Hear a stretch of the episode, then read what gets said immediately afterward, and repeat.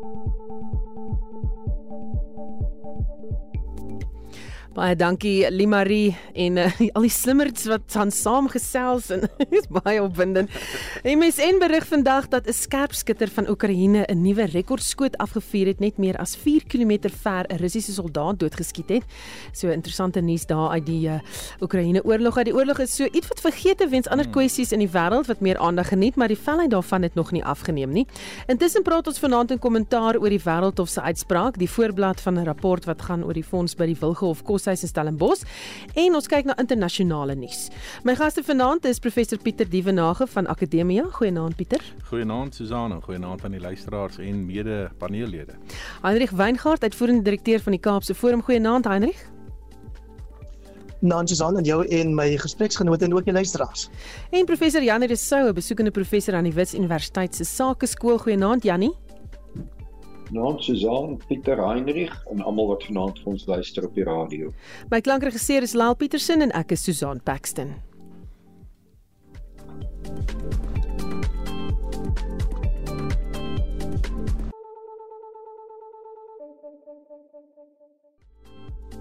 Jy luister na kommentaar elke Sondag aand tussen 8 en 9 op RSG. Hulle weet nie wat ons weet nie, maar ons weet nou wat hy weet dink ek en ons gaan 'n bietjie later gesels oor Drieke se kommentare na sy of nadat hy aangeland het by die lughawe. Nou as jy nie die eerste keer gehoor het wie die gaste is nie, is professor Jan Resou, Hendrik Weingart en professor Pieter Dievenage. Jy luister na kommentaar en so gepraat van monitor. Ek bied hom môre oggend aan. Ek staan in vir Oudo wat bietjie gaan rus. So skakel in môre tussen 6 en 7. Kom ons begin met uh, die gesprek vanaand. Hoewel die wêreldhof toegegee het dat uh, Suid-Afrika prima facie saak het teen Israel het hy nie 'n skietstilstand aanbeveel nie en dis is die uitspraak nutteloos. So berig Netwerk 24 Saterdag na die uitspraak Vrydag. Ehm um, Janik, ons begin by jou. Wat is jou reaksie op hierdie uitspraak en saak? Ja, uh, dit is min of meer die uitspraak wat ek verwag het.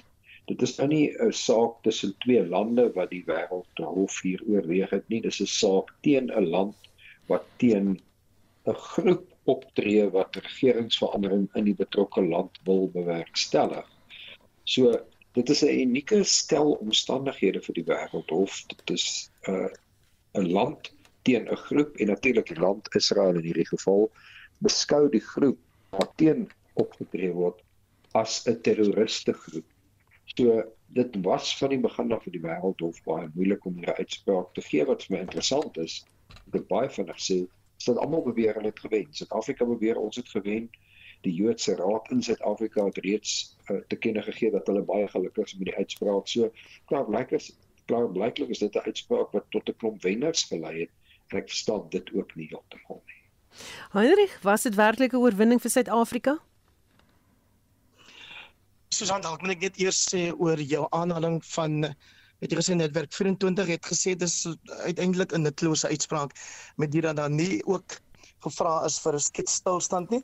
Ek dink nie mense kan die uitspraak as nutteloos beskou nie. Dis 'n uitspraak wat sê ons kan nie lewensverlies en menselyding op hierdie skaal aanskou en dit maar net laat voortgaan nie. So in daai opsig is dit 'n belangrike uitspraak spesifiek wat die reg op lewe betref en spesifiek wat menswaardigheid aanbetref. En daarom sou ek baie baie versigtig wees vir hierdie vertoonmakery van sy dit nou ons regering is of Israel of Amerika dat dit 'n oorwinning of 'n ver, verlies aan watter kant ook al mag wees want dit wat hulle doen daarmee is hulle trap op daai grafte van die mense wat die slagoffers was van die 7 Oktober Hamas aanval op Israel sowel as die mense wat tans nog slagoffers is van Israel se aanval op Gaza, maar wat beteken of liewer op Hamas, maar wat beteken dis mense van Gaza wat daaronder ly. Hm. Pieter? Mm, ja, dit is um, ek dink beide Jannie en en Heinrich het belangrike punte daar gemaak.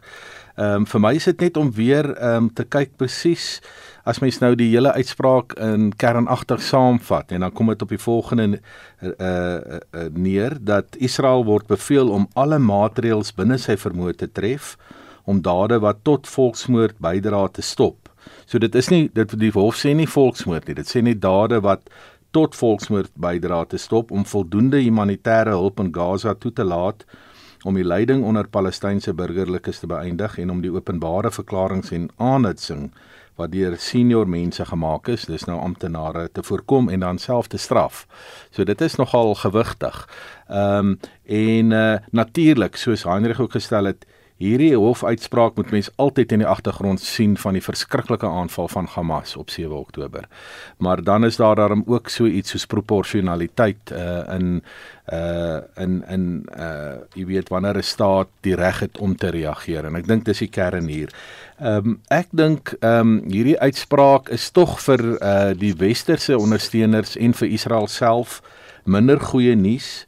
Vir die ANC is dit nogal dink ek goeie nuus vir die verkiesing, maar die ANC het sigself nou as 'n morele wêreldfiguur gaan posisioneer, jy weet hier by die wêreldhof. Die groot vraag is net of of die ANC as die regering van die dag dit sou ook sal doen uh binne die Russiese Oekraïense stryd. Wat sekere ooreenkomste toon met ehm um, Israel en Hamas alhoewel is nou twee state daar. En sê nou maar net byvoorbeeld China uh val Taiwan aan. Wat wat sou die ANC daar doen? So die beginselposisie waarin die ANC sigself geplaas het met hierdie regspan en so aan, dit gaan interessant wees hoe dit in buitelandse beleid van die ANC in die toekoms gaan uitspeel. En dan ehm um, dink ek ook die interessante vir my uit die uitspraak is die westerse regters uh wat ehm um, uitspraak gelewer het in die wêreldhof het het oor die algemeen geneig uh om met hierdie uitspraak saam te gaan wat in 'n sekere sin ook 'n kritiek is teen baie van hulle regerings en die steun wat hulle regerings gegee het vir Israel met ehm um, met die geweldige bomaanvalle op Gaza op Gaza. Hm. Janie uit 'n ekonomiese oogpunt, hoe groot kan die impak wees as uh die wat vra vir boikotte op die invoer en uitvoer van produkte op Israel? Ja, Susan, ons moet onthou dat Israel 'n belangrike handelsvernoot van Suid-Afrika is. So gevolglik as ons handelsboikotte teen Israel instel, sal veral ons vrugte uitvoer daaronder lê. Ons voer baie vars produkte na Israel uit en ons kry natuurlik ook kundigheid uit Israel vir halfe vir besproeiing in droë gedeeltes. So dit daar sal Suid-Afrika skade ly. Ek wil egter 'n ander punt net maak. In hierdie geval met hierdie oorlog nou, het Israel die propaganda oorlog in die internasionale media verloor. Israel was nog altyd baie goed met 'n propaganda oorlog in internasionale media wanneer daar oorlog in Israel is om die openbare mening aan Israel se kant te kry. En om een of ander rede het Israel dit hierdie keer nie reg gekry nie en ek persoonlik dink dit is omdat meneer Netanyahu homself in Israel onderdruk is en uh nie dat hy nie die steun het wat Israeliese eerste ministers in die verlede altyd geniet het nie. Maar ek sal graag Pieter se mening oor ja. hierdie punt hoor. Ja nee, ek sluit by jou aan. Ek dink hulle die propaganda oorlog verloor. Ek het uh, na 7 Oktober het ek 'n uh, die nuus baie fyn dopgehou en wat Israel gaan doen. En ek het verwag hulle sou ehm um, die lyding wat hulle ervaar het uh eerder sterker uitgebou het en meer dat dat daar die rouperiode rondom daai verskriklike aanval van Hamas uit sou uitgebou het en dat hulle hulle ehm um, eerder meer getekende aanvalle op Gaza en daai weet daai periode benut het om wêreldsteen te kry soos hulle in die verlede sou gedoen het. En daai geweldige bombardement en nou goed ons weet Hamas is so verskuil tussen tussen die burgerlikes wat natuurlik ook 'n aanklag teen Hamas is en laat ons ook dit net sê in hakies Hamas gaan nie skotvry hiervan wegkom nie. Die die feit dat Israel aangespreek het as staat beteken nie Hamas loop skotvry hiervan af nie. Daar's hom ook iets soos internasionale reg waar 'n organisasie soos Hamas aan moet verantwoording doen. So hulle leiersfigure kan ook in hegtenis geneem word oor 7 Oktober. Ehm um, maar uh, wat Jannie daar sê dink ek is heeltemal korrek dat ehm um, dat dit eintlik verrassend is dat Israel met sy bedrewe uh, vermoë om te kommunikeer oor dekades lank uh, klaar blyklik in in hierdie geval uh, tweede gekom het. Heinrich Suid-Afrika en die FSA se verhouding is weer in gedrang nadat 200 politici hulle afkeer in Suid-Afrika uitgespreek het oor ons standpunt by die Wêreldhof. Dink jy hier gaan werklik iets hiervan kom? Susan, mens mens kan verwag dat daar uit Amerika ongelukkigheid sal wees omdat Amerika 'n uh, baie noue band met Israel het, nog altyd gehad het en ook in die toekoms sal hê kan 'n mens aanneem. Ehm um, so wat wat wel interessant is is die oproep wat net na die uitspraak gevolg het van die Amerikaanse minister van buitelandse sake Anthony Blinken aan ons minister van internasionale verhoudinge Dr Naledi Pandor en waarin hulle natuurlik oor die die uitspraak gepraat het maar ook het Blinken self toe nog daarna gesê oor die sal mense sê dis ja die vestiging van 'n onafhanklike Palestynse staat um, om dit te bevorder. En ek dink dit is uiteindelik en na hierdie konflik tot einde gekom het hopelik gouer as wat ons as wat dit tans lyk um, sal mense wil hê dat dit die fokus moet wees van die gesprekke. Daar moet uiteindelik 'n oplossing kom en daar word vir so lank al saamgestem deur alle betrokke partye dat 'n twee staat oplossing diep weg vorentoe moet wees, maar dit gebeur net nie. En dan wil ek net uh, iets wat dalk by ons meer aandag geniet het in die media, was die feit dat dit 'n Ugandese regter is wat teen hier bevel gestem het, nê, wat nie wat nie haar steun gegee het hieraan nie. Ehm um, ek sukkel 'n bietjie met die uitspraak van haar van ehm um, regter Sebutine, sou ek dink. Ehm um, en en dit moet weer gelees word teen die agtergrond daarvan dat Yoweri Museveni wat Uganda se president is baie noue bande met Israel het. Ehm um, so ek weet nie of ja of of van die ander panelede Pieter of of Prof Janie daaraan aandag gegee het nie maar hmm. maar dit was nou nogal iets om wat ek weet van 'n ouer regter hier by ons wat omtrent frons daaroor ehm um, omdat hy nie kon verstaan het wat sou haar beweeglede wees nie. Sy het nie 'n uh, minderheidsuitspraak gelewer. Ek weet ook nie of die hof voorsiening maak daarvoor nie, maar dit sou interessant gewees het om te sien wat sy dan sê oor hoekom sy besluit het om anders te stem. Hm. Pieter Ja, dis 'n interessante een daardie want uh mens sit met 'n hele paneel van regters, maar wat uh vir my tog wel uitgestaan het, ehm um, is die uh is die regters uit die westerse uh wêreld uh, wat saamgegaan het.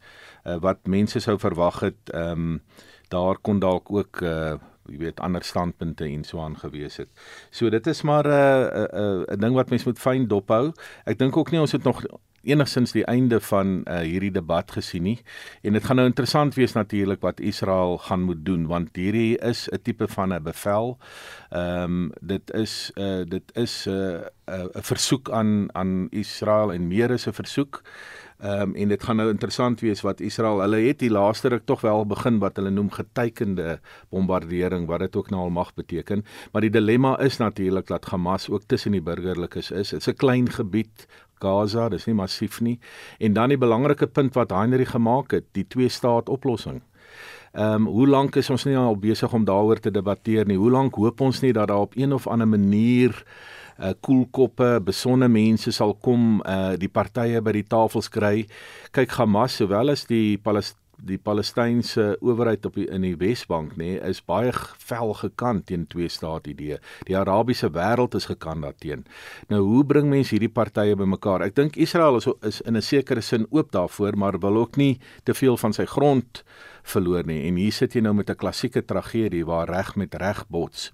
Ehm um, en uh en hoe gaan jy dit uh beredder? Hoe gaan jy 'n bemiddeling hier kry wat daarom dat ons wat ons almal vorentoe vat want hierdie is nou maar net 'n plofpunt of 'n 'n breekpunt in die wêreld wat wat voortdurend na vore tree en as as daar nie as daar nie geopgetree gaan word hierteen nie. Uh en en of nie nie opgetree nie maar da, as daar nie skikking kan kom van 'n aard nie. Dan gaan ons nog baie lank met hierdie geweldige uh brandpunt in die wêreld in die geopolitiese uh, omgewing sit. Ehm um, en mens kan maar net hoop dat daar uh dat daar uit hierdie geweldige tragedie wat nou hier afgespeel het vir ons ehm um, dat daar iets uh ehm um, na vore tree wat ons almal hoop gee as uh nie net vir die partye daar nie, hmm. maar ook vir die wêreldgemeenskap. Ja nee, intussen so dan ek sal Ja, nee, Henry gaan voort. Ekskuus, ek wou sou net gesê ek sou dalk versigtiger wees as Pieter om te praat van Israel se grond wat hulle bang mm. is om te verloor. Ehm mm. um, want jy weet een van die strydpunte is juis dat ja. daar soveel vandag Israel se grond is wat eintlik maar ehm um, in hulle besit gekom het deur besettings van Palestynse grond. So ek ja. sou versigtig en daar trap as ek Pieter was. Ja, Hendrik, nee, jy's reg, jy's heeltemal reg dat die dat die grondkwessie is natuurlik baie kompleks daar. Uh mens werk ook natuurlik uh, met 'n 2000 jaar geskiedenis, jy weet, en van ja. ook Jode wat weggedryf is daar op 'n uh, verskriklike wyse lank terug. Maar mens werk nou met hierdie lang geskiedenis terug en dan werk jy met die 19de en die 20ste eeu of jy werk met die Ottomaanse ryk, nê? Nee? Uh wat uh, wat 'n rol gespeel het in Jerusalem en die omgewing en so aan. So mense sit met 'n geweldig verwikkelde saak daar, maar jy's reg om te sê dat uh die oomblik as mense wil jy weet 'n twee staat oplossing en jy praat van grond, uh dan is jy uh in 'n baie baie fyn sensitiewe uh gebied. Jannie, laaste gedagte van jou af. Ja, soos aan die ANC regering gaan natuurlik probeer om maksimum voordeel uit hierdie uitspraak te kry met die oog op die verkiesing wat later vanjaar moet plaasvind. So ons gaan baie hiervan hoor.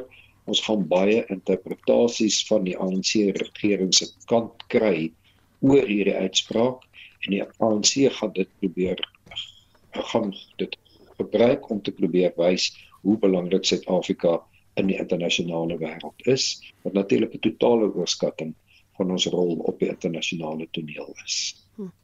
Goed, die volgende tema wat die uh, koerante se voorblaaie oorheers het, is natuurlik die Wilgenhof nagligte, die voorblad van Netwerk 24 koerante. Die groep wat hulle self aantrek in swart klere wat lyk soos die ekstremiste groep in Amerika, die Ku Klux Klan, het studente glo daar 'n harde ontgroening blootgestel. Verskeie foto's van naakte studente wat aan aksies deelneem word gewys uh, in die koerante en universiteit sê hy ondersoek die gebeure. Heinrich, ons begin by jou. Wat jy gevoel oor die uh, storie en die spesifieke koshuis wat in die kollig bly? Dit is vir my baie jammer Susan dat die aandag nou is op 'n kwessie soos hierdie. So belangrik soos wat dit is dat as daar bewyse is van ongeruimthede of onbehoorlike optrede van enige aard, sê dit onlangs of in die verlede was, dan moet dit ontbloot word. Maar die Universiteit Stellenbosch het genoeg ander kwessies wat dringender aandag benodig as hierdie ondersoek nou na vergrype wat in die verlede sou plaasvind. Ek weet nog nie, dalk weet julle van 'n eh, slagoffers wat na vore getree het en gesê het hier staan ek. Ek was in die ontvangkant gewees van hierdie gebeure en ek um, wil nou vir julle sê dit is dit was vir my onaanvaarbaar. Ek het geen ek het geen ehm um, gesagstruktuur gehad om my na te wend nie. En daarom vlug die universiteit moet nou optree teen die oortreders as hulle geïdentifiseer kan word. Maar kom ek sê iets oor die idee van of die gebruik van ontgroening in die algemeen. Ek weet nie waar dit ontstaan het nie, maar ek weet dat ek nou altyd daaraan gedink het as 'n onding wat veronderstel is om 'n manier te wees om studente dan in hierdie geval te verwelkom in 'n koshuis of te verwelkom op 'n kampus of uh, in terme van skole te verwelkom by die skool. Ontaard ongelukkig in 'n vernederende optrede wat mense ja sielkundig kan knap al word dan van hulle verwag om sterk voor te kom en om dan nou kan sê hierdie um aanvaarbare figuur te wees. Iemand wat wys dat hy nie 'n bang haar op sy kop het nie of 'n regte man is.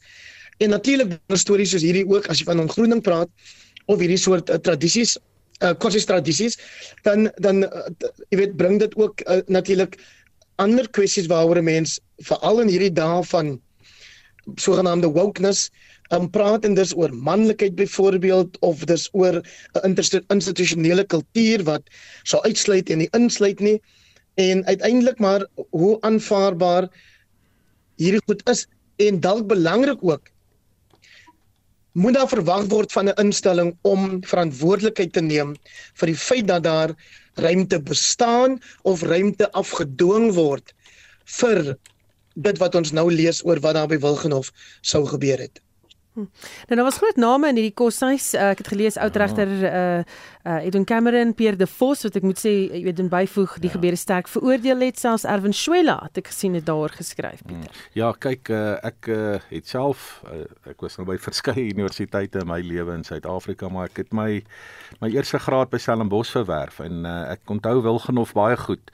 En in my tyd was Dr. Kruiven die koshuishoof Dr. Dani Kruiven, hè, voorsitter van die Suid-Afrikaanse mm. Rugby Raad. En daar ehm um, dit is by uitstek uh, dalk uh, Stellenbosch se uh, mees invloedryke koshuis. Kom ons wees nou baie eerlik. Sy dink die figure wat deur Wilgenhof beweeg het. En dit is my baie interessant vandag in 'n rapport dat daar natuurlik was daar die kritiek uh, en ek dink daai kritiek is geregverdig uh, in die jaar 20 uh, 23 24 maar uh, dit was interessant dat daar teens dat dat daar was versigtige ehm um, posisionering was van verskillende figure. Jy weet Morney Du Plessis het byvoorbeeld 'n uitspraak daar gelewer. Nou hy's nie 'n ou wat doekies omdraai nie. En hy was baie versigtig om sy ou koshuis eenvoudig net te uh, te offer, nê? Hmm. En dan dink mense, jy weet aan Whitey Beson wat daar was, uh, jy weet jy dink aan bekende sakeleiers. Natuurlik was dat uh, Marcus Jooste ook natuurlik daar van Steinhof um, farm. Ehm um, en uh, maar ek onthou in my tyd daar op Stellenbosch het Wilgenhof Nou goed, dit was 'n ander era. Uh rondom Dr Kruiven 'n bepaalde aura gehad, so ek sou kon stel dit. Ehm um, en daai aura was natuurlik in in in terme van die ou definisies en so aan. Na 1994 moes Wilgenhof uh, sigself uh, herposisioneer het en ek dink hulle het ook en ek het ook gekyk na die uitspraak van regter uh, Edwin Cam uh, Cameron, het, ja, Cameron. Cameron wat nou die kanselier is, nê, dat hy ook baie versigtig was. En dit was my baie interessant en dit ek wil voorspel dat hierdie hierdie geval gaan anders uitspeel as die geval van die student, jy weet, die geval wat op die rekenaar plaasgevind het, die uh ireneringsvoorval. Ja. Ek dink hy gaan anders uitspeel want ek dink hier is ander magskonstellasies uh wat betrokke is. Hm. Het die universiteit soos Hendrik nou genoem het 'n groter probleem as wat hy laat blyk, Jannie?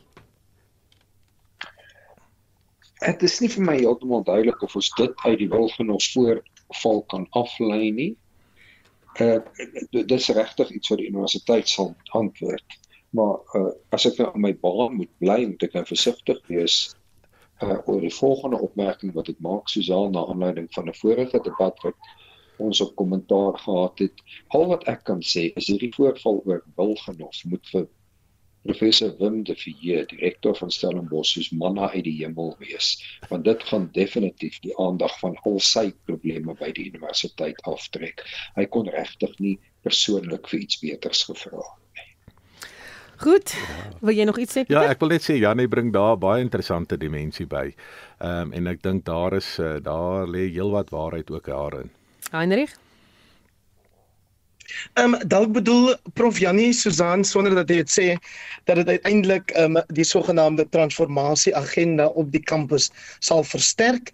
Hier is nog 'n voorbeeld van die verskriklikheid, die afgryslike goed wat in die naam van dalk witheid op die kampus gepleeg word en uh, daarom sal ons met harder werk om vinniger van Stellenbosch soos wat hulle as bestuur dit noem 'n nasionale bate te maak wat spesifiek nie te veel ruimte moet laat daarvoor dat jy Afrikaanse of Afrikaner kultuur of tradisies moet voortgaan om dit uit te leef daar op die kampus nie.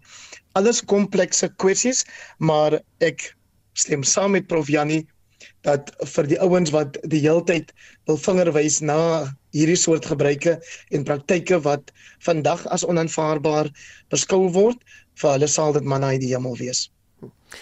Volgende tema vir vandag. Rapport het ook vandag artikel oor die buitensporige kostes van kos vir hospitale in Gauteng. 107 rand per kilogram vir bevrore hoender byvoorbeeld. Dit het uitgekom in die Gautengse wetgewer na 'n vraag van die DA. Dis ook nie die eerste keer dat mense so 'n storie hoor van korrupte spil met tenders nie. In die weermag gebeur dieselfde en dat die kontrakteurs wat dan die kontrakte kry, byvoorbeeld 'n rekenaar besigheid het en nie iets in uh, voedsel nie. Dis natuurlik belastingbetalers wat opdok hieroor, jy weet, ook sonder dat hulle keuse het. Janie, is dit 'n proses nie juis om die goedkoopste produk te kry nie? Natuurlik, Susan, die goedkoopste produk van die regte gehalte moet ek daarom nou byvoeg. Jy weet in baie hmm. gevalle gaan die goedkoopste produk nou nie van die regte gehalte of van die regte voedingswaarde wees nie, maar ja, inderdaad, dit behoort die strategie te wees. Dit wys maar net weer vir ons hoe diep van korrupsie in die Suid-Afrikaanse stelsel dat ons dit op alle vlakke sien. Hierdie moet korrupsie wees. Daar is geen regverdigheid wat ons hier in die Koran lees nie.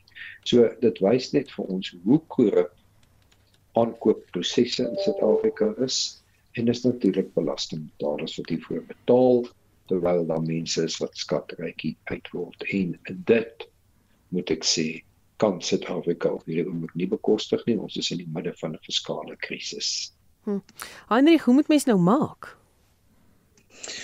Susan, 'n mens moet vra waarom word dit toegelaat dat enigiemand wat 'n staatskontrak kry die pryse vir die diens of die produkte wat verskaf word so verskriklik kan opstoot. Ons almal weet of miskien net sê ons almal want ek moet bieg dat ek was nie heeltemal seker oor wat die prys van 'n liter melk is nie. Ek sien nou in die berig is min of meer R17. As jy my nou vra wat kos 'n brood gaan ek jou nie kan sê nie want ek koop nie brood nie. Hmm. Maar om daai liter melk dan vir R33 te verkoop. Wie ook al na daai dokument of tender dokumente kyk wat die maatskappy indien om te te bot vir daai tender moet tog sekerlik sê my iets is nie reg hierson nie. Ons ons weet in die verlede van wat die prys van 'n rolletjie toiletpapier geraak het. Ehm um, en dan kyk ons daarna en vra maar hoe is dit moontlik? Dis moontlik omdat die staat se stelsels dit skynbaar toelaat dat niemand daar in 'n departement wat met afteken vir hulle self sê genade ons kan tog nie vir iets wat R80 per kilogram ons weer soos in die geval bevrore 100 horsies of porsies dat die nou sommer R107 raak nie. En dan moet 'n mens vra sonder dat jy sommer die aanname maak dat dit met korrupsie te doen het, is daar ander faktore wat bygewerk of bygereken moet word om die prys dan op te stoot.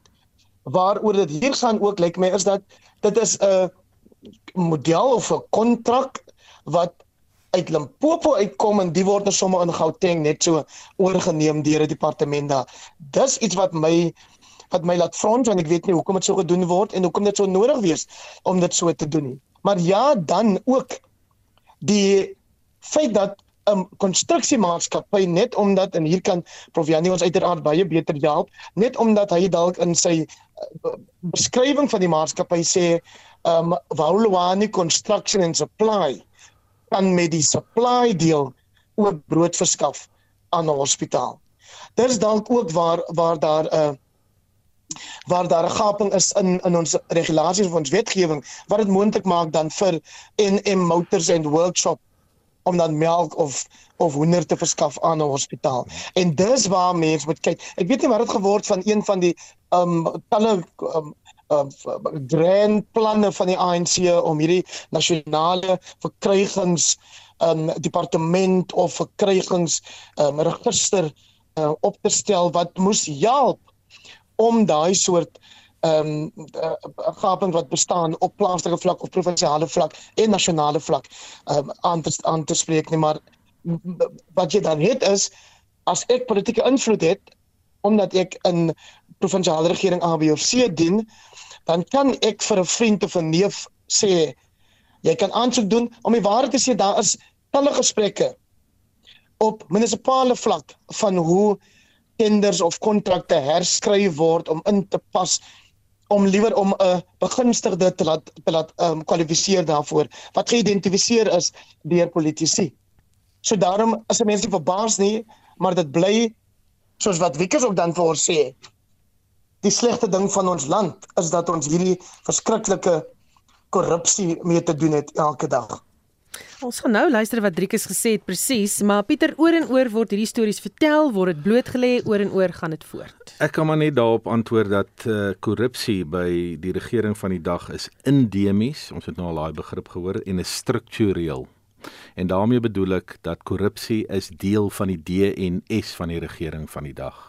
En hierdie storie hoor hierdie stories hoor ons oor en oor. Ons hoor dit in provinsie op provinsiale vlak, ons hoor dit op nasionale vlak, ons hoor dit op plaaslike vlak. Met ander woorde, dis ingeweef in die werkswyse, die handeling, die bestuur uh die manier waarop hierdie regering van die dag uh handel. En uh, en daarom gaan ons dit net weer en weer hoor en ons kan kritiek lewer en ons kan ehm uh, jy weet uh, praat tot ons blou in die gesig is dit sal net voortgaan. Um, ek sien geen ander oplossing as die stembus. En die stembus is in 'n sekere sin ook uh, baie kompleks want die regering van die dag het vanweë verskillende redes 'n uh, 'n uh, greep op 'n uh, groot groep van Suid-Afrikaanse kiesers wat klaar blyklik nie oor hierdie dinge dink nie Hm. Nou interessant by die artikel is die rapport hoofartikel daan word verwys na Driekus Du Plessis, die gemengde gevegkuns kampioen wat kaalvuis onder die korrupte politici ingeklim het en daar het Driekus ook gehou by sy vorige standpunt oor die korrupte regering. Kom ons luister gou na wat hy gesê het. Ek staan by wat ek gesê het en ek meen ek is nie 'n politikus nie, so dis hoekom ek nie politieke in die politieke rigting ingaan nie. Ek is 'n sportpersoon en ek meen daar's baie min mense wat my gaan stry. Ehm um, of met my kan stry as jy op feite gaan. Maar dit is dit is alles negatiewe goed en dit is die negatiewe goed wat ons in Suid-Afrika nie ons laat onderkry nie. En dis hoekom ons hierdie doen. Hierso gaan ek in sulke met sulke negatiewe situasies wat ons het dat ons nie kan verbykyk nie en kyk hoe lyk dit buite. Dit is wat ons as Suid-Afrikaners een maak. Is ons worry oor die positiewe en nie oor die negatiewe goed nie. Want hulle kan met negatiewe goed probeer so hard as wat hulle wil. Wat hulle doen om ons onder te kry, maar hulle sal ons nie onder kry nie. Pieter? Ja, dit is vir my baie interessant. Die oomblik as sport uh manne en vroue begin praat oor hulle regerings, dan moet jy weet daar's 'n probleem. Kyk, uh, mense sal baie min um, in in lande wat min of meer goed funksioneer gaan sportmense eintlik baie min sê oor hulle regerings want hulle fokus op hulle jy weet dit waar waarmee hulle goed is. En natuurlik is daar geen perfekte regering op aarde nie maar daar is veel beter regerings dink ek op 'n vergelykende skaal as ons een. En wat Driekus hier gedoen het is interessant. Dis vir my ekwivalent wat uh, Rassie Erasmus ook op 'n manier met die Springbokke ek weet nie of jy onthou in 2019 in Japan en ook weer hierdie jaar word dit die hele tyd gesê die Springbokke moet goed speel omdat dit so sleg gaan met ons. Nou daai sleg gaan met ons het ook maar te doen wat Driekus hier artikuleer. En ehm um, en en dit is eintlik vir my 'n uh, verskriklik hartseer die dag as sportmense uh, wat eintlik moet fokus op dit wat hulle moet doen. Ehm um, weet na hierdie goed moet verwys. Ehm um, en en in die proses word daar niks gedoen aan hierdie dinge nie. Hm. Janie? Ja, ek stem natuurlik 100% saam met wat eh uh, Trikus gedoen het. Ek ken hom nou natuurlik nie persoonlik nie, maar ek neem die vrymoedigheid om hom Trikus te lig te noem, want hy is eintlik nou nasionale volksbesit, nie net omdat hy held is oor wat hy omdat hy gewen het nie, maar ook omdat hy held is om uit die moed van sy oortuiging te praat. Dit het hom uiteraard volksbesit gemaak en ek stem 100% saam met wat hy gesê het ons het meer sulke dapper mense nodig. Henrik, ek weet jy is 'n jy... sportliefhebber, wat dink jy hiervan? Susan. Susan, nou dat ek na na Driekers luister, hoor ek 'n uiters patriotiese mm -hmm. uitlating deur hierdie nuwe superster van ons land. Driekers sê al gaan dit soos dit gaan, al weet ons wat ons weet oor hierdie land. se negatiewe of swakpunte is ons steeds die land wat verkies om op die positiewe die seëvierende te fokus en daaroor moet 'n mens met hom dit eens wees. Dit is wel problematies wanneer 'n mens vereenvoudigde stellings maak. Dit geld ook vir ons wat aan 'n program soos hierdie deelneem. Ehm um, en dit is amper onverwenbaar soms, maar as hy dan reg aangehaal is dat hy gesê het Suid-Afrika is loshande die vrotste en mees korrupte regering ter wêreld. Nou goed, daaroor kan 'n mens bietjie debatteer. Mens kan ook vra is dit die regering of is dit amptdraers, is dit verteenwoordigers of is dit 'n regering in geheel of as geheel wat as korrup uitgekry kan word. En dan moet ons 'n gesprek daaroor begin. Ek self voel heel dikwels dat sportmense met die soort profiel van 'n Driekus nou en 'n Rassie Erasmus moet juis meer sê oor wat verkeerd gaan in die land. Dit geld ook mense in die kunste byvoorbeeld. Maar jy vind net nou en dan dalk 'n skrywer soos Antjie Krog wat sal praat daaroor wanneer sy die Hertzogprys ontvang en haar toespraak lewer. Ons moet dalk jy sê nee, julle moet julle stemme laat hoor want julle is die mees sigbare ehm um, verteenwoordigers van ons van ons nasie en gewone mense moet ook na julle kan luister eerder as net na die politici um, wat in veral in hierdie tyd wat voorlê natuurlik die meeste ligtheid sal kry. So uh, ek haal my hoed af vir vir Driekus. Ek moet bekendheid maak ek kan glad nie raai sport kyk waar hy deelneem nie. maar heel het ek saam fees gevier asof ek die geveg gekyk het. Ja, as ek dink almal het min of meer ja. en ek dink jy gaan teen hom stry nie ja, want um, blykbaar was daar mense wat die, wat opgestaan het tot 'n bepaalde uur en toe sit eers 2 uur later wat die ja, geveg is. Ja, al die as almal wat vroeg opgestaan het, moes wag vir 2 ure toe veg eers 8 uur, maar dit was alles die moeite werd. Ek was een van daai. By my werk was daar ehm um, hoogs gesofistikeerde mense daar wat hierdie hierdie verskriklike boks en skop geveg met groot aandag gevolg het. En ontleed dit, dis 'n kuns daai, is 'n kuns. Maar kom ons gaan na die verkiesing toe so om terwyl Andri het genoem het. Is verkiesingsjare dinge begin nou momentum kry wat veldtogte onder politieke partye betref. Interessante storie ook 'n rapport oor 'n video wat geneem is by die La Rochelle Laerskool in Johannesburg wat wys hoe vyf volwassenes vrugte uitdeel by 'n laerskool en dan vir die kinders sê sê vir julle ouers dit kom van EFF af. Janie, wat maak jy hiervan? Ja, dit is skokkend onvanpaste gedrag op verskillende vlakke. Nommer 1, die skolewet verbied uh politieke partye uh se wat sê dit nou 'n stemwerwery by skole, so op daai vlak is dit totaal onvanpas. Maar natuurlik uh die video is in sigself totaal onvanpas want fotos en video's van kinders mag nie gedeel word, mag nie geopenbaar word sonder die toestemming van hulle ouers nie. Hmm. Daar's vir my geen aanduiding dat hierdie kinders wat in die video getoon word, se ouers toestemming gegee het dat hulle kinders wel op hierdie wyse vertoon word nie. En natuurlik as die ouers toestemming gegee het, staan die ouers ook in die beskuldigde bank want hulle behoort beter te weet as om stemwerwery deur 'n politieke party by 'n skool toe te laat.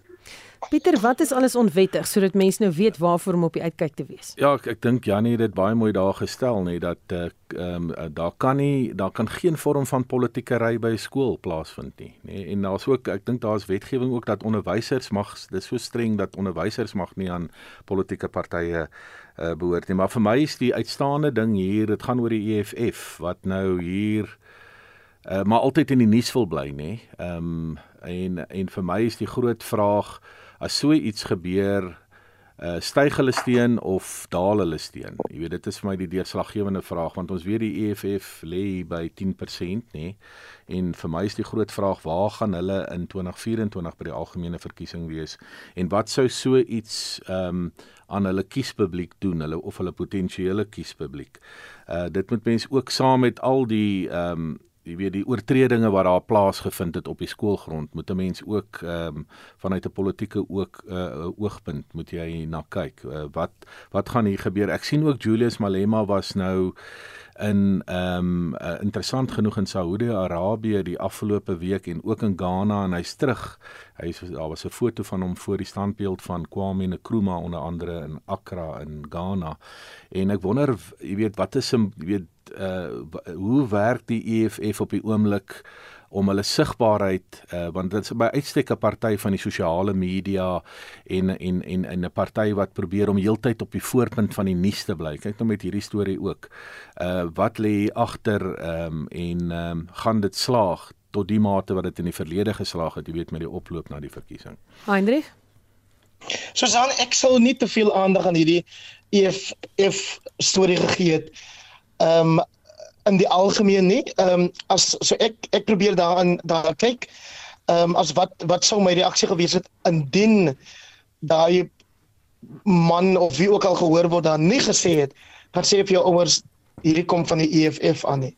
Dan stem ek saam met die bekommernis van Prof Janie en en Pieter oor die feit dat die die kinders geïdentifiseer word en dat daar natuurlik politieke reg gemaak word uit hierdie uit hierdie geval het. Maar ek het weer gewonder net doodgewoon, wat sê gesondheidsregulasies oor die uitdeel van kos want is tog is tog 'n kosproduk 'n vrug is 'n kosproduk en het iemand seker gemaak dat hierdie goed wel ehm um, uh, wat s'ie woord ehm um,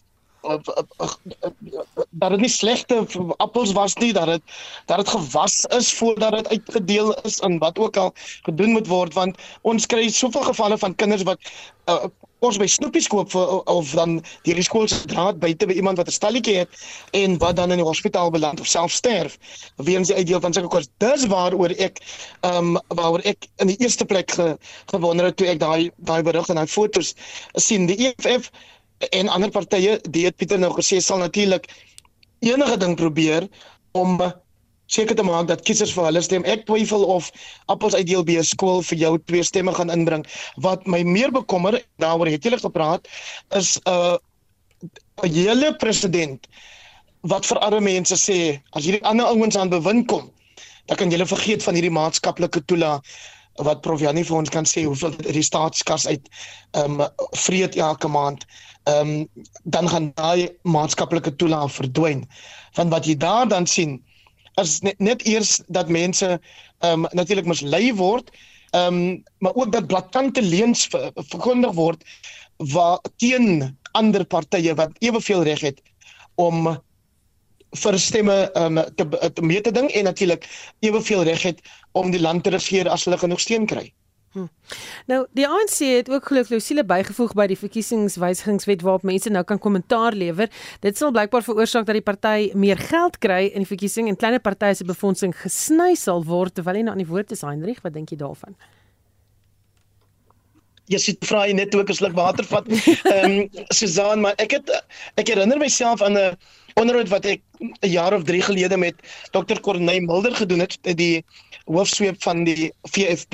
Hy was ten nouste betrokke by die samestelling van hierdie wet op op finansiering. Hy het om die waarheid te sê met die hulp van sy seun wat 'n syferkopper soos ons sê, het hulle daai ehm um, uh, wat sê mens tog nou ehm um, module uitgewerk wat wat dan nou bepaal dat 2/3 van die geld wat deur die verkiesingskommissie verdeel word onder partye wat verteenwoordiging in die parlement en provinsiale wetgewers het. Ehm um, en dan 2/3 daarvan dat dit word 2/3 wat volgens jou aantal setels verdeel moet word en 1/3 gelykop. In die verlede was dit 90% verdeel tussen partye en dan het die ANC geweet hulle kry die grootste deel van daai 90% en die DA sou ook nie kon klaar met hulle aantal setels nie. Maar dan het 10% wat gelykop dan verdeel is uh, vir administrasiekoste. So uh, die die die, die Dr Mulder en ander oppositiepartye kon nie glo dat die ANC gestem het vir daai aan um, 'n wet op finansiering van politieke partye van 2018 nie. En nou lyk dit my die ANC het sy diepe slaap uit wakker geword want as jy ook nou 'n maatskappy 100 miljoen rand kos vir bemarkingsmateriaal van die vorige verkiesing voordat jy hierdie een moet binnegaan, dan maak dit vir my sin dat jy op elke manier wat jy kan meer geld vir die party moet probeer in die hande kry op 'n wettige manier omdat die onder die tafel manier van geld oorhandig natuurlik nou nie meer toegelaat word deur daai einste wet op finansiering van politieke partye nie. Jannie, wat dink jy hiervan? Heinrich het dit natuurlik uitstekend opgesom. Ek was self verbaas toe die ANC destyds die ingestem het tot die wet op befondsing van politieke partye. Want my indruk was dit is tot 'n uh, groot nadeel vir die party dat hulle al hulle uh, bronne van fondse moet openbaar. So ek is nie verbaas dat hulle die wetgewing beter nie en as die ANC met 'n meerderheid in die volgende verkiesing uh, weer 'n meerderheid gaan hê na die volgende verkiesing gaan hulle verder van die wetgewing beter want die wetgewing is duidelik tot hulle nadeel. Ja, dit is ek wil aansluit soos aan by beide Jannie en en Heinrich dat Jy weet as 'n as 'n party so vinnig weer om, kyk in die eerste plek, hulle is reg. Ehm um, uh dit was vreemd dat die ANC dit gedoen het en nou swaai die ANC weer om. So daar's klaar blyklik groot bekommernis oor die hulpbronne uh hoe om hierdie verkiesing te veg. Uh maar is eintlik half ehm um, dit is dit ek weet nie dit is half vir my en ek wil die woord gebruik pateties in 'n sekere sin. Ehm um, en en die ander ding is ook uh as jy as jy nou dink jy is die groot party en nou nou vat jy die grootste hap en die kleiner partye se se weet soos die ACDP sou 8 miljoen gekry nou sit terug na 4 miljoen. Jy weet uh, so die kleinere partye word benadeel. Uh jy as grotere party word bevoordeel en dit was juis in die logika van die verandering van hierdie wet vroeër uh om om om daai probleem uit te skakel. So selfs daai beginselpunt het nou gesneuwel. Hm, 'n interessante verkiesing wees. Die Daily Maverick het 'n ministeriële rapport uitgereik. In die verslag berig die koerant dat geen minister in Ramaphosa, president Cyril Ramaphosa, se kabinet nog afgedank is weens die feit dat hulle nie hulle werk gedoen het nie. Die koerant sê verder dat vaar doelwitte en nog vaar gepraat van die ministers dit baie moeilik maak om hulle prestasies enigsins te beoordeel. Um Heinrich, enige ministers wat vir jou uitgestaan het? Uh, wel kan ek dit in die algemeen sê Susan dat ek is glad nie verbaas oor hierdie bevinding of hierdie verslag van die Daily Maverick nie. Onthou ons is maar weer eens deur Cyril Ramaphosa om die bos gelei. Die toe hy met groot vanvare aangekondig dat hierdie ehm um, prestasie ooreenkomste gaan nou geteken word. Weet julle wat? Ons gaan dit selfs op die presidentsie se webwerf publiseer dat julle dit self kan lees. En soos wat hierdie verslag uitwys, is dit sulke vaar beskrywings of omskrywings of die soort taak wat jy in elk geval sou verwag van 'n minister soos in die geval van Becky Cele oor wie ehm um, die organisasie wat ek die Kaapse Forum heel gereeld praat, uh, hy moet verseker dat misdaad afneem. Nou ek bedoel, waarom sou jy enigsins 'n minister van polisie ehm uh, hê as dit nie sy taak is nie? En ons kan debatteer oor hoe goed of sleg hy vaar, maar die statistieke van die misdaad wat aangemeld word wys vir jou dat hy nie regtig ooit kan aanspraak maak daarop dat hy 'n great job doen nie. En dan weet ons ook ongelukkig dat daar maniere is om daai statistieke sal ek net maar sê aan te bied soos wat jy doen met jou matriek uh, slaagsyfer of matriek ehm um, uitslaa elke jaar uh, en dit is om dit te plooi soms dat dit baie goed reflekteer ehm um, teenoor jou wat die politieke hoof is van daai portefeulje maar dat mense se ervarings in gemeenskappe natuurlik iets gaans anders is.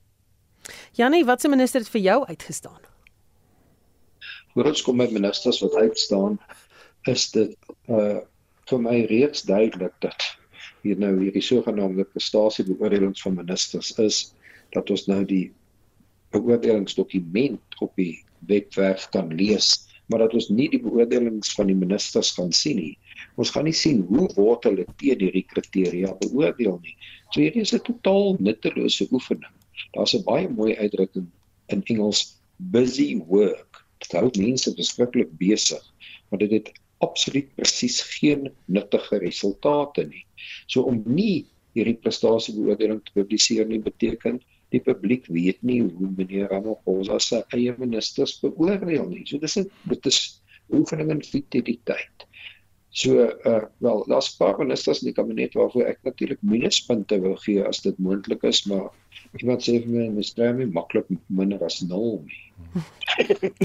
Ja. Pieter, jy ja, ek wil ek wil tong in die kies sê dat vir my is die drie uitstaande ministers die drie wat oor Eskom aangestel is en al drie onder onder die een is aangestel om dinge op te los.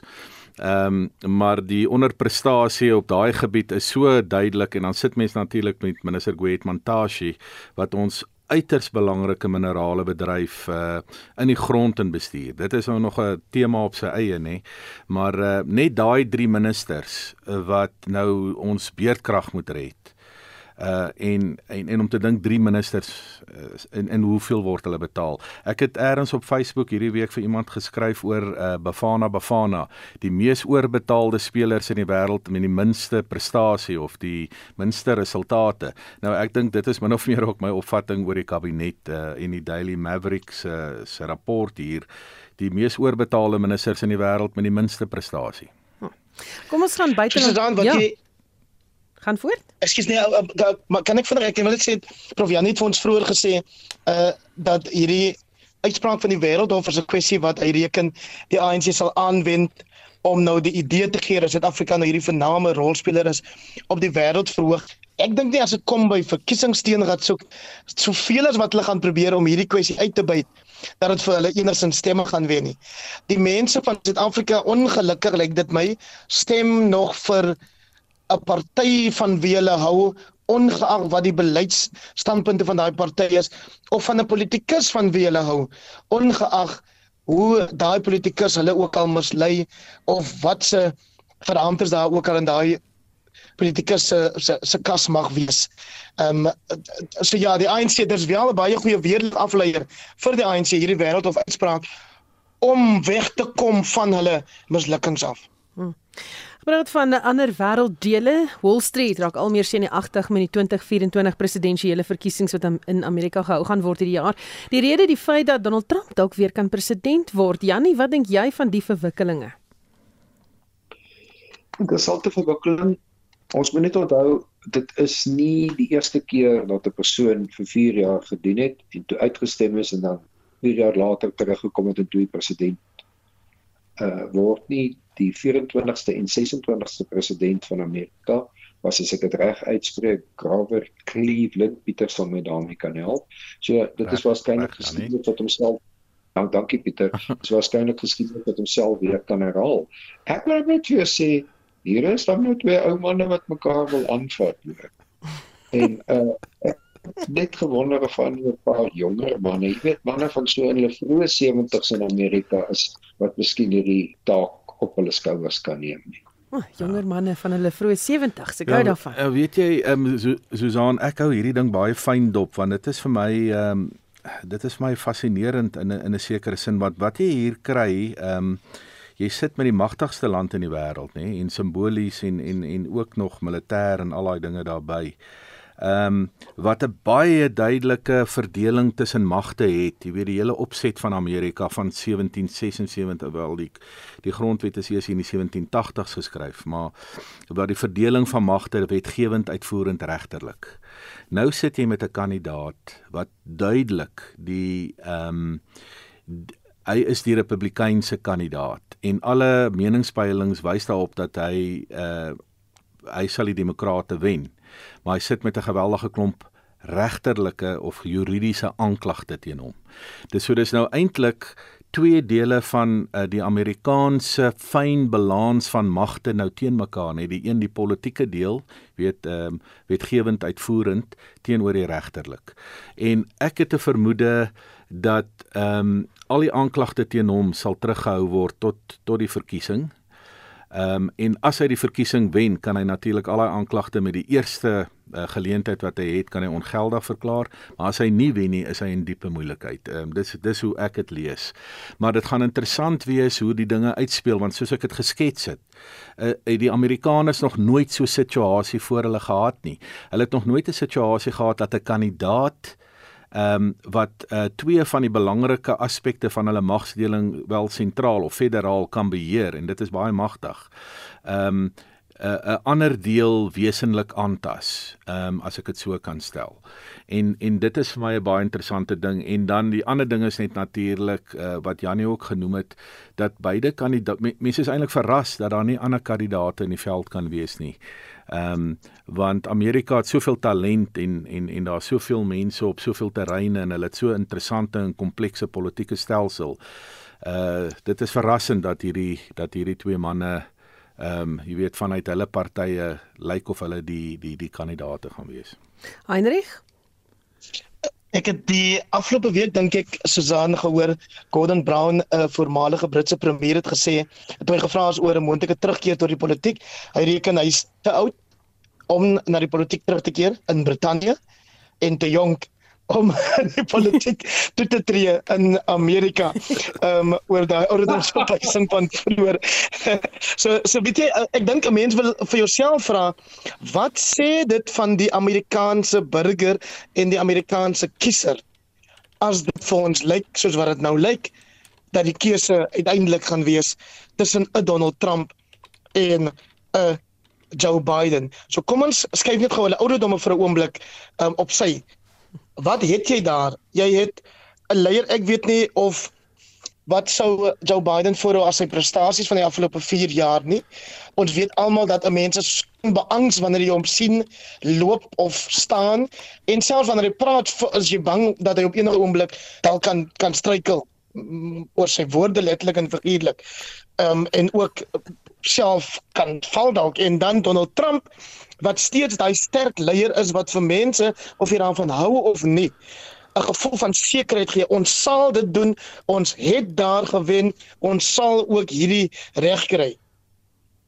En dit is dalk die versigtiging 'n leier wat wil amper sê vreesloos homself kan voorstel aan aan kiesers.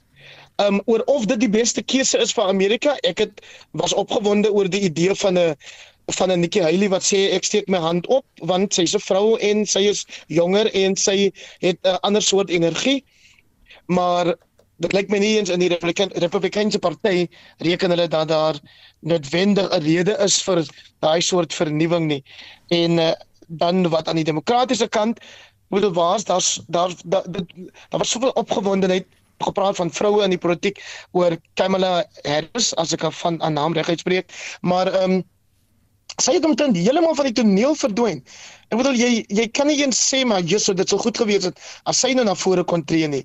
Ehm um, sy het in daai skadu van Joe Biden net sy nie net gaan sit nie maar ek dink ehm um, sy kan eintlik daar onder daai koelteboom opstaan nie, opstaan nie. En uh so mense hou dit maar mense hou dit mense hou dit dop man wat ons ook al sê van van Donald Trump en ek is een van die ouens wat in die verlede gesê het genade nee daar's net geen decorum nie daar is nie ehm um, daar's net hierdie afgryslikheid amper. As dit is wat die Amerikaanse kiezer wil hê dan sal die Amerikaanse kiezer dit kry. Ons moet eerder kyk na waarvoor ons stem in die verkiesing wat um, na alle waarskynlikheid in Mei gehou gaan word.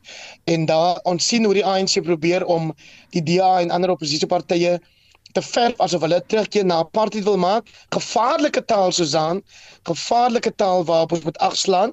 Want Timothy Snyder skryf in sy boek on tyranny dat ons moet luister na woorde, gevaarlike woorde, dangerous words. En wanneer Ramaphosa sê ag Januarie toespraak spesifiek sê dat ander partye is teen transformasie. Hulle wil transformasie terugkeer. Dan raak daai woord transformasie um 'n geveswapen nê um of anti-transformasie. En as mense wat um vatbaar is vir enige sulke uitsprake, besluit daarom moet hulle op 'n manier optree waar deur ontslaag geraak kan word van die idee van oppositiepartye. Dan kyk ons in 'n rigting van die politiek en staatsbestel wat ons um gesê het in elk geval sê dit 94 uh God behoed. Pieter Ja, daai is belangrike woorde van Heinrich aan die einde want uh jy weet om te sê ehm um, jy weet jy's teen transformasie Heinrich dit is so sagter vorm, 'n ligter vorm van teen revolusionêr, nê? Dit is uh dit is Precies. dit is woorde skat wat uh, uit die uit die uit die stryd kom van die van die ANC of in uit die uit die 60er, 70er en 80er jare. Maar in elk geval ek dink ehm um, ehm uh, om net weer vinnig na Amerika toe terug te keer. Die dilemma in Amerika, ek wil net hierdie voetnote maak, is dat ehm um, reg deur die weste uit daar 'n afstand gekom tussen die regerende elites en die gewone mense. En iemand soos Donald Trump het baie behendig daarin beweeg en hy artikuleer uh, wat in mense se harte omgaan wat in daai sone is dat hulle voel geïsoleerd of hulle voel ehm um, vervreemd van die regerende elites. Maar of hy die regte persoonlikheidseienskappe, die regte ehm um, staatsmanlike eienskappe het, dis nou natuurlik 'n ander vraag. Nou ja, en daarmee dink ek gaan ek halt roep vir vanaand. Baie dankie dat jy saam geluister het. Dit was kommentaar. My gaste was professor Pieter Dievenage, politieke ontleder van Akademia, professor Janie Resou, hy is 'n besoekende professor aan die Wits Universiteit se Sakeskool en Heinrich Weingart, uitvoerende direkteur van die Kaapse Forum. My klankregisseur was Laal Petersen. Ek is Susan Paxton. Geniet die res van jou aand.